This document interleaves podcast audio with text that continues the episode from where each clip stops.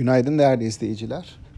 Dün banka hisselerine gelen satış sonrası borsa günü %1'in üzerinde bir kayıpla tamamladı. Bankalarda %3'ü geçen bir ıı, satış vardı ve e, bu satışlarla birlikte ay başına göre kayıp %14'ü aşmış oldu. Banka sektörüyle birlikte enerji hisselerinde de yılbaşından bu yana e, kar realizasyonu ve satışlar var. E, buna karşılık borsada e, daha dirençli gördüğümüz sektörler arasında havacılık, dayanıklı tüketim, e, otomotiv hisseleri biraz daha dirençli kalmış görünüyor.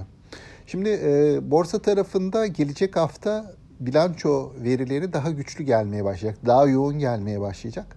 O süreç içerisinde bir miktar hisse bazlı ve bilançodaki e, beklentilere e, tepki veren bir piyasa görebiliriz. Bir miktar toparlanma çabası içerisinde olabilir.